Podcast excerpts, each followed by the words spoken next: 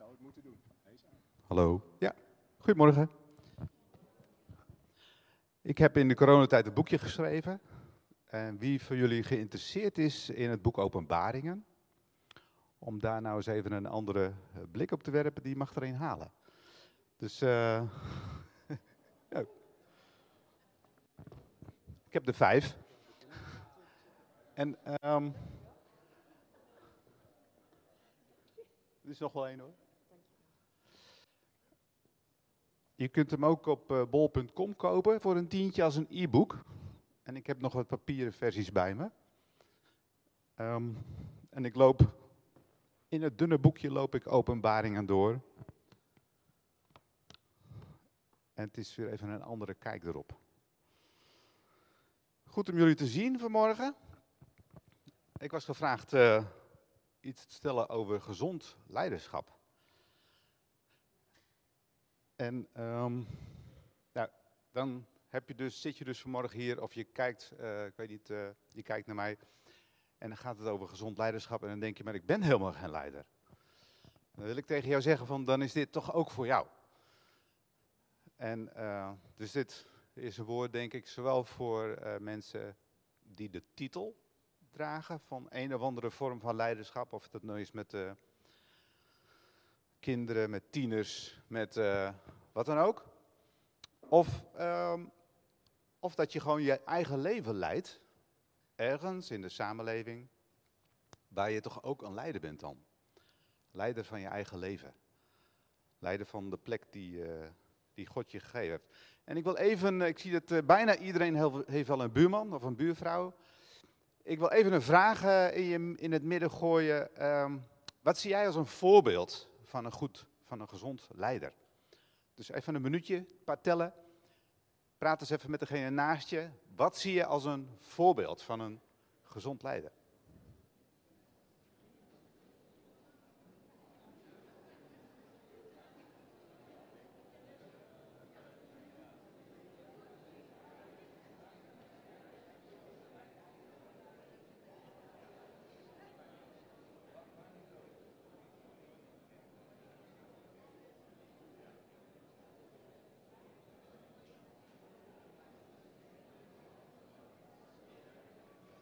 Oké, okay.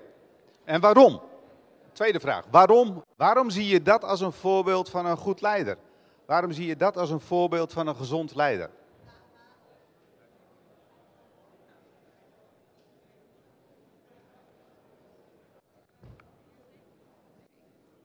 Ik loop even naar wat mensen toe hoor. Wie hebben jullie, uh, wie, wie kwam hier naar voren als gezond leider? Nou, niet zozeer op uh, nou ja, ik had wel een persoon, mijn, mijn teamleider op mijn werk. En waarom, waarom coach je hem? Um, omdat hij dienend leider is en omdat hij um, altijd zijn personeel voorop stelt, uh, maar toch ook keuzes durft te maken. Kijk, dat zijn uh, mooie, mooie voorbeelden. En wie, wie zagen jullie als, als gezond leider, Joris? Ik heb niet per se een voorbeeld van een gezond leider, maar ik had het meer over ongezond leiderschap. En dat vind ik als je te ver gaat in dienen. Je moet soms ook nee kunnen zeggen tegen de mensen om je heen. Um, en ook voor jezelf kunnen zorgen om een gezond leider te kunnen zijn. Ik hoef zo mijn prijk niet meer te houden. En wie, uh, wie zagen jullie als een voorbeeld van een gezond leider? Nou, ik vind jou een uh, goed voorbeeld. en waarom? Nou, je hebt een keer een cursus gegeven en daar heb je uitleg over gedaan. En ja, ik vind het kloppen. Maar wat, wat, wat was het dan? Uh, je bent geen leider als je zegt, nou je moet dit doen omdat ik het zeg, maar je wilt anderen verder helpen. Ja. Nou, nog eentje. Gree, wat zie jij als een voorbeeld van een gezond leider? Um, niet je eigen volgen, maar God volgen. En ik vond Peter Rothuizen altijd een enorme voorbeeld als leider. Kijk, volgens mij uh, is het zo ongeveer klaar. Ik zal nog even herhalen wat jullie allemaal gezegd hebben. Maar ik ben blij om te horen dat er toch wel uh, beelden zijn bij, uh, bij gezond leiderschap. Ik denk, um, ik werk veel met jonge mensen. En uh, is best wel een, een, punt van wie is nou een goed leider. En we kunnen wel wat mensen in de geschiedenis aanwijzen, we kunnen wel naar Churchill wijzen of zo, maar dat is zo lang geleden. Wie, wie zijn nou de goede leiders in de samenleving? En ik denk dat we met elkaar wel kunnen constateren dat er eigenlijk een leiderschapscrisis in dit land is. dat is al een tijd zo en, en dat, is, dat is heel ernstig. Want je, we zien dat uh, de vertrouwen in de samenleving aan het verdwijnen is. En uh, dat is niet alleen iets wat in Nederland is, maar dus ook Verenigde Staten. En ik uh, doe op dit moment een, een, minor in het werk wat ik doe, de docent op de hogeschool hier in Ede. En er zijn allemaal internationale studenten die daar meedoen. Studenten uit Wit-Rusland, uit Armenië. Maar ik heb ook contact met studenten uit Tanzania, uit Nigeria, Ghana, Libanon. En eh, van de week had ik een gesprek met hen en ik werd gewoon heel erg verdrietig van de situatie die zij schetsten van het land waar zij woonden. Over eigenlijk de crisis in leiderschap die er is. En ja, eh, over ons eigen land, uh, daar hoef ik niks over te zeggen, dat is volop in het nieuws. Maar wat, wat is nou een gezond leider? We hebben net een paar voorbeelden gehoord en ook een voorbeeld eigenlijk, een, een punt van, van leiderschap dat te ver gaat in bepaalde opzichten. En dan wil ik gewoon kort even met jullie bij stilstaan en doorheen uh, gaan. Ook even kijken naar mijn eigen leven. Want leiderschap is niet iets zeg maar, wat, wat is aangeboren. Sommige mensen zijn wat, wat makkelijker haantje de voorst of zo, maar dat betekent niet per se dat ze leiders zijn. Wat is nou leiderschap? Leiderschap kun je ontwikkelen. Dat is gewoon in een vaardigheid, net als vaderschap of moederschap. Dat is ook niet aangeboren per se. Maar naarmate iemand wat langer een vader of een moeder is, groeit hij in zijn rol. En dat is ook zo met leiderschap. Daar kun je, daar kun je, dat is gewoon, daar kun je gewoon in groeien. En uh, anders had uh, wat Jezus gezegd had over leiderschap ook helemaal geen zin, als je er niet, uh, niet in zou kunnen groeien. Maar in mijn eigen leven merk ik het ook. er zijn wat, wat, zaken waar ik tegenaan liep in mijn leiderschap. Mijn, mijn loyaliteit, ik was, ik was toch van, ja, van zeg maar, mijn, mijn opstelling in leiderschap was toch wel vaak heel loyaal en, en verantwoordelijk en, en heel dienstbaar. En dan ging ik over mijn eigen grenzen heen. Of ik ging over de grenzen van mijn gezin heen.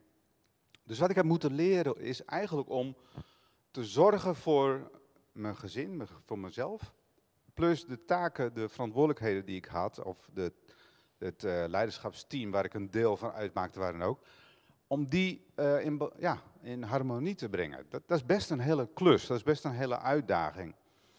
Maar ook mijn creativiteit. Ik ben als persoon uh, iemand die ook wel creatief is en die soms graag dingen van de andere kant bekijkt.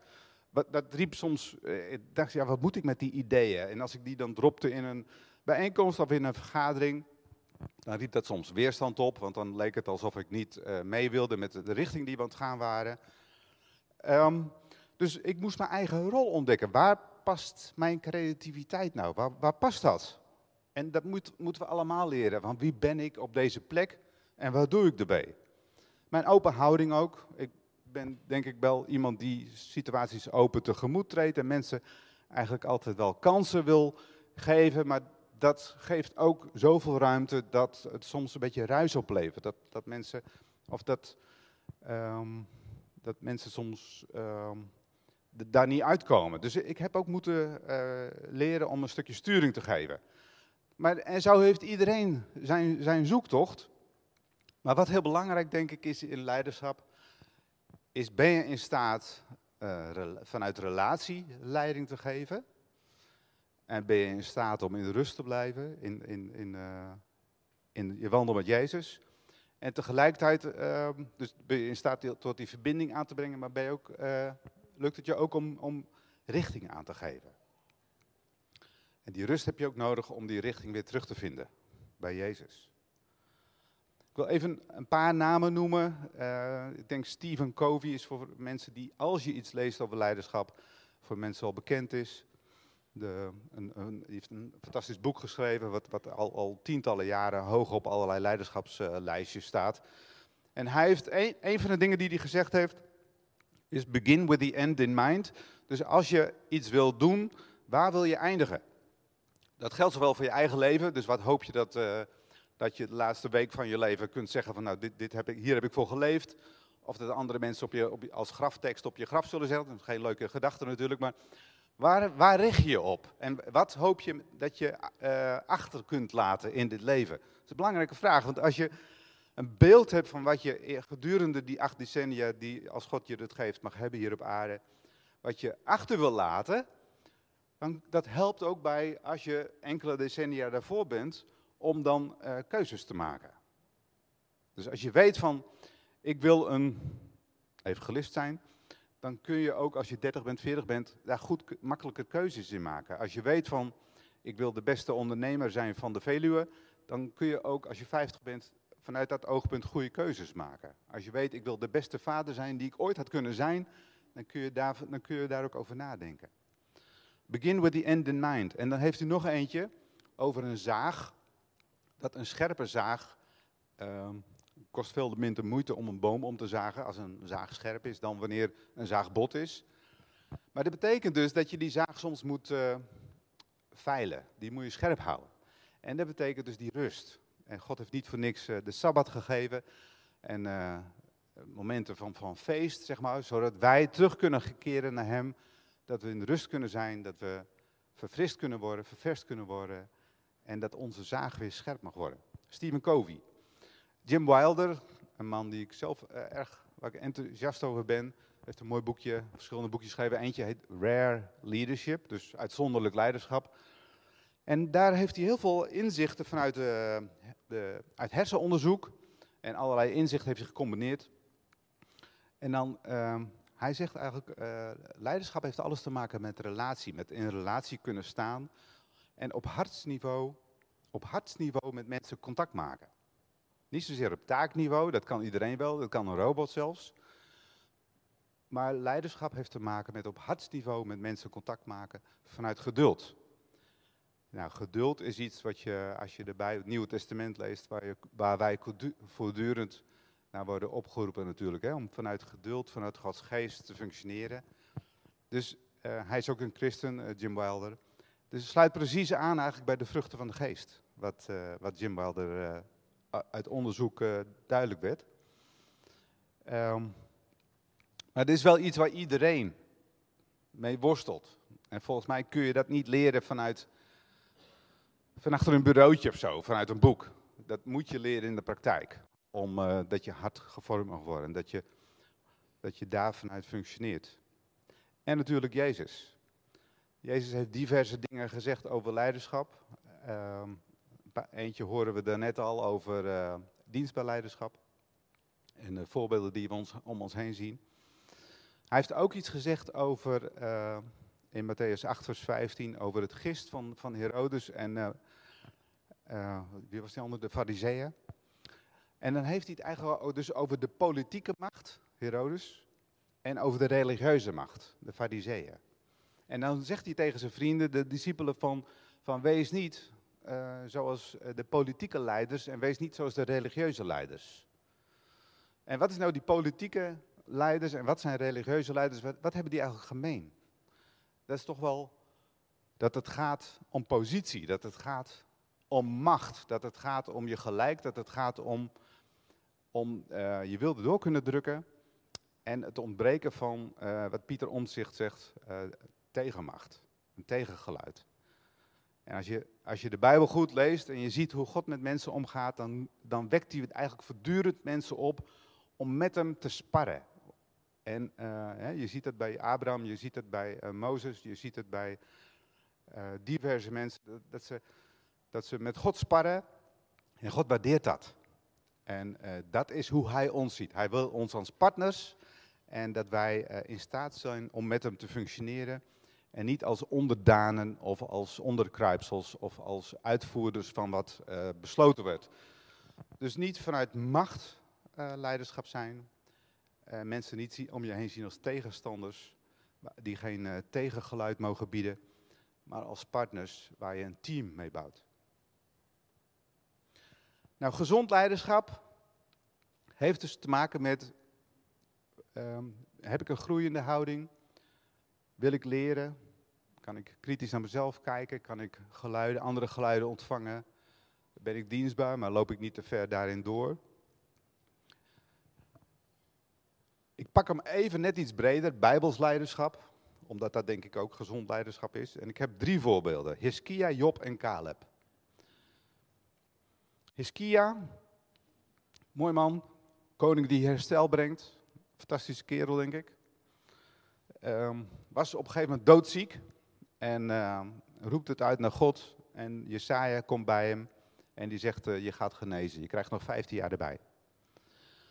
En dan uh, de hele wereld in die tijd hoort ervan. En Babylon zendt, zendt een paar mensen daar hem toe. En wat hij doet, is dat hij gaat pronken.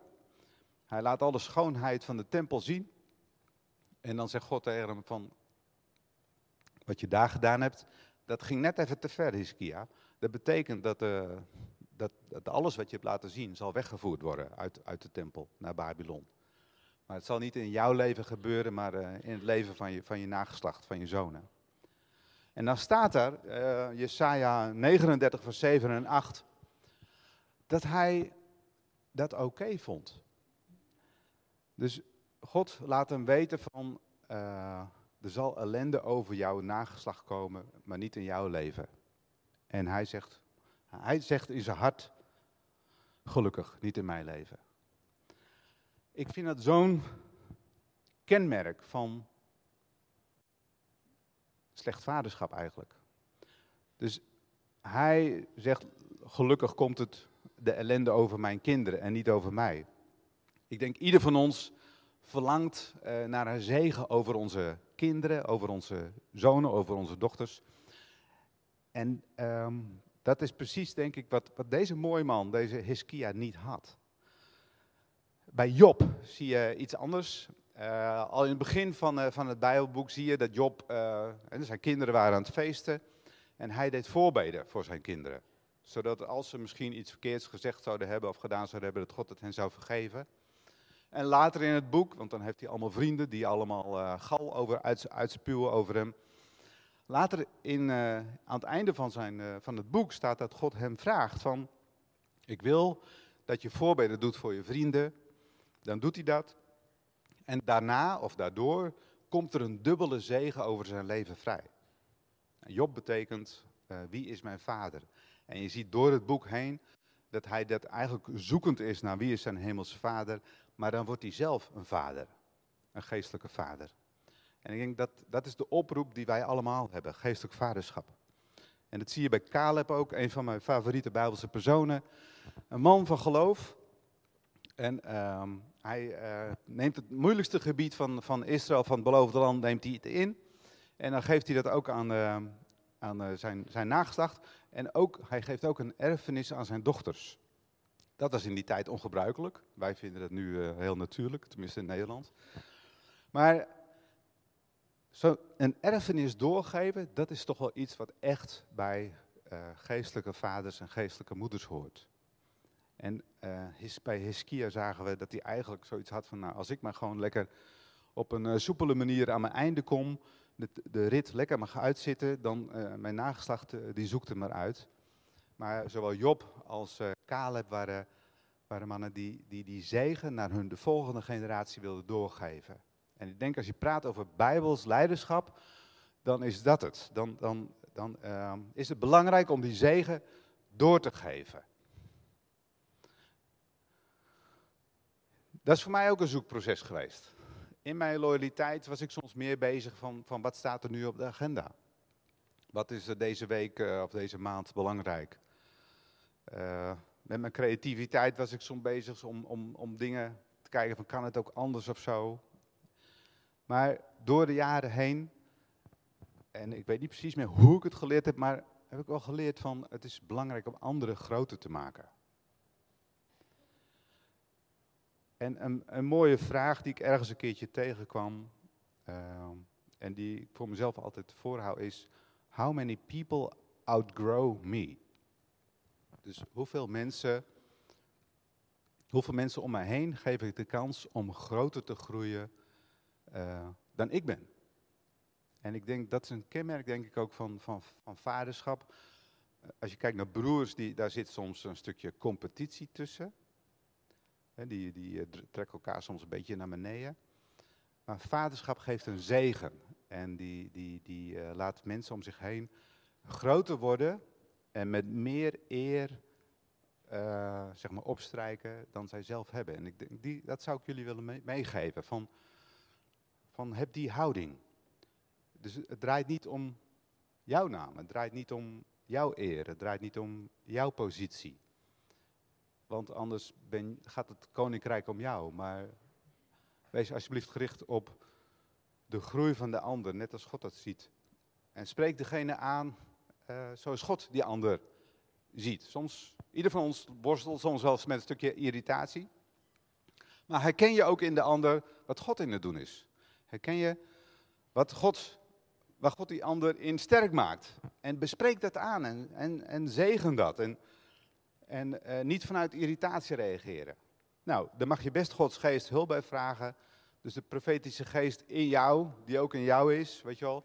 Vragen van, wat, wat is uw plan met deze persoon? Of als het je, gaat om je man of, je- of je vrouw. Weet je wel, wat is uw zicht op deze, mijn lieve partner? Of als het je kind is. Wat heeft u voor ogen met mijn kind om die dan zo te zegenen? Gezonde leiders hoeven zich niet te verdedigen, denk ik. Of hun positie. En die weten te versterken dat, dat iedereen erbij hoort, ook zwakke mensen, ook zondaren. En gezonde leiders, volwassen leiders, lukt het om, om mensen gerust te stellen. Als er moeite is. Om te wijzen van waar zijn we naartoe onderweg. En een volwassen leider is, is in staat om, om Jezus te zien in die ander. In ieder mens die tegenkomt. Ook een gebroken mens. En om, om dat stukje in die ander aan te wakkeren. Nou, wat is gezond leiderschap? Even op een rijtje, een paar dingetjes die ik bedacht. En die is, is denk ik inderdaad wat, wat ik net hoorde, wat Joris eh, daar eh, zei, is dat leiders... Wij kunnen in ons christelijk wereldje soms hè, de op, zeggen van Jezus, die, eh, die leerde ons om te dienen. Maar dat kun je jezelf voorhouden in je loyaliteit, waardoor je soms te ver gaat en je ten koste van je gezin eh, verantwoordelijkheid draagt. Dus kun je de Sabbat houden? Kun je tot rust komen? Kun je, gun je jezelf de ruimte om boswandelingen te doen? Ik heb geprobeerd met Helene het ritme aan te houden. Twee maanden op, vier dagen af. heb ik een keer opgepikt van een vakbond. Twee maanden op, twee maanden werken, lang weekend weg. Twee maanden werken, een lang weekend ertussenuit. Hij heeft me heel veel goed gedaan. De zorg voor vertraging. Humor. Humor en kwetsbaarheid hou je ook gezond. Dus eh, kun je lachen om jezelf, kun je lachen om blunders die je maakt. Eh, de geest van religie die neemt zichzelf heel serieus. Maar ehm, ik denk in God is die ontspanning. En de moed houden, weet je wel. Optimistisch kunnen blijven. Er zijn altijd tegenslagen in het leven. En ook crisissen. Maar God is groter. En als je weet van, oké, daar gaan we naartoe, dan kun je ook speels manoeuvreren als er tegenslagen zijn. Als er soms iets gebeurt wat niet is zoals je het bedacht had, dan kun je met de mensen die God je op dat moment geeft, kun je weer bedenken, oh, dan gaan we, gaan we toch weer verder. Een team denken, geen, geen competitie onderling. Wij zijn geroepen om gezondheid te brengen.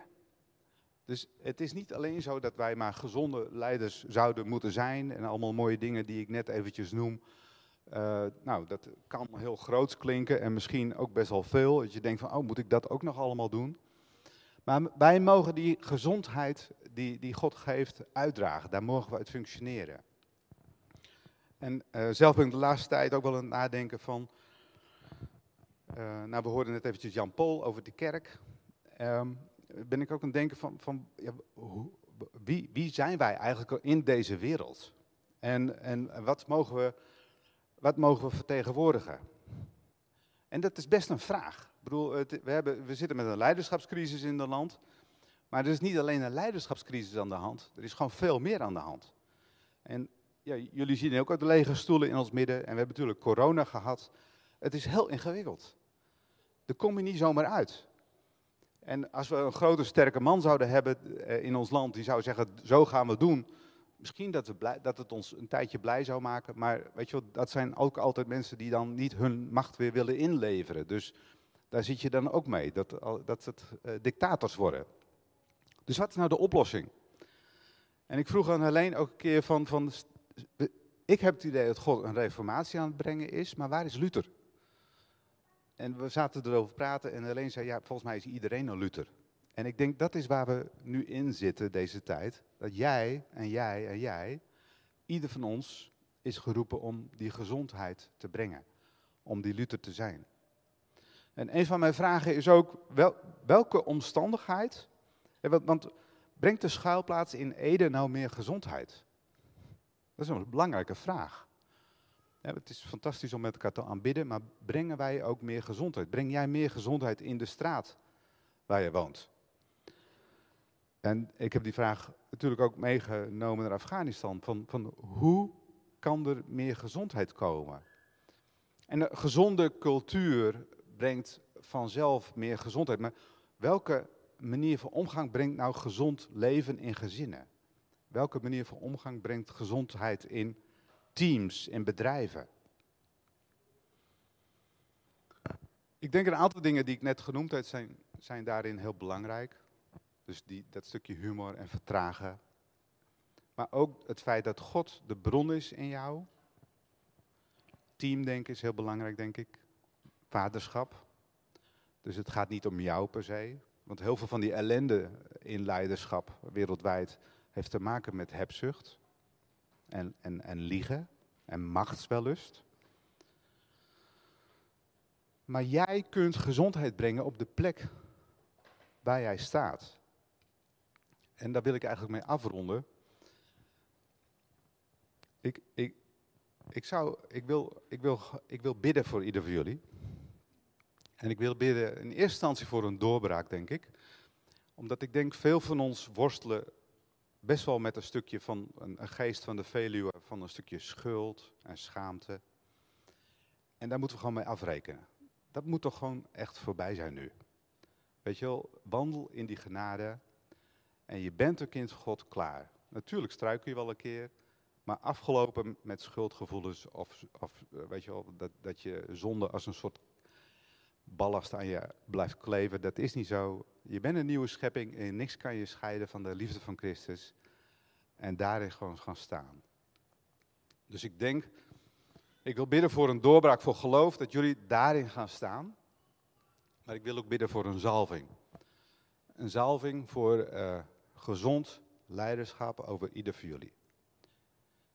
In je huwelijk, in je gezinnen, in je vriendschappen, in het bedrijf wat je hebt, op, in de straat waar je woont.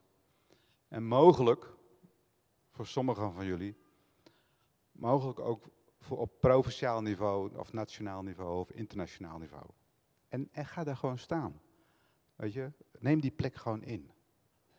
En, en niet, eh, niet, ga niet gebukt zitten onder die, die demonische leugen eh, dat het niet voor jou is. Of dat zonde of schuld eh, daar jou daarin belemmert. Hupsakee, klaar ermee. Dat is voorbij. Ga staan en daarin wandelen. Dus ik wil in de naam van Jezus vrijheid over jullie uitroepen en over jullie uitspreken. Vrijheid om te wandelen in je bestemming. En vrijheid om te gaan staan in geloof. In wie je bent. In goed hoe God jou bedacht heeft. En het is voorbij met schuld. Het is voorbij met schaamte. Dat is een leugen. Je bent een nieuwe schepping.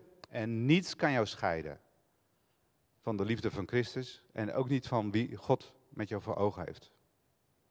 En ik wil bidden voor een zalving voor jou over je leven. Om op de plek waar je staat een gezonde leider te zijn. En een leider te zijn die gezondheid brengt. En als je dat wilt, dan zou ik willen uitnodigen om te gaan staan. Dus dan ga ik bidden voor die zalving. Dus maar gaan we staan als je daar meer van wilt in het geloof. En ik wil bidden, Heer, voor deze mensen dat uw geest op dit moment komt. Dat uw leven neerdaalt. Dat u ieder van deze mensen, Heer, die, eh, de, die u op eh, specifieke plekken hebt neergezet in de samenleving, om daar een, een volwassen en een gezond leider te zijn. Een leider ook die gezondheid brengt, die herstel brengt, een leven die snapt wat het is om met de Sabbat te leven, om rust te hebben en vertraging en humor en plezier. Maar ook in het verbond met Jezus, die het lichaam van Christus kent en eh, eet. En het bloed van Jezus kent en drinkt. En daar vanuit gezondheid ontvangt vanuit de hemel in zijn eigen leven, in haar eigen leven. En in de buurt waar hij woont of werkt. En in heel Nederland. Heer, zo, zo zijn wij een volk van u. Zo zijn wij vertegenwoordigers van u. Zo zijn wij ambassadeurs van u. En ik wil jullie zegenen met die zalving en de geest van God om daarin te functioneren. En het is afgelopen met, met timide, timide gedachten, met kleine gedachten en met, met teruggetrokken zijn en gewoon lekker de vrijheid innemen en gezondheid brengen. In Jezus' naam.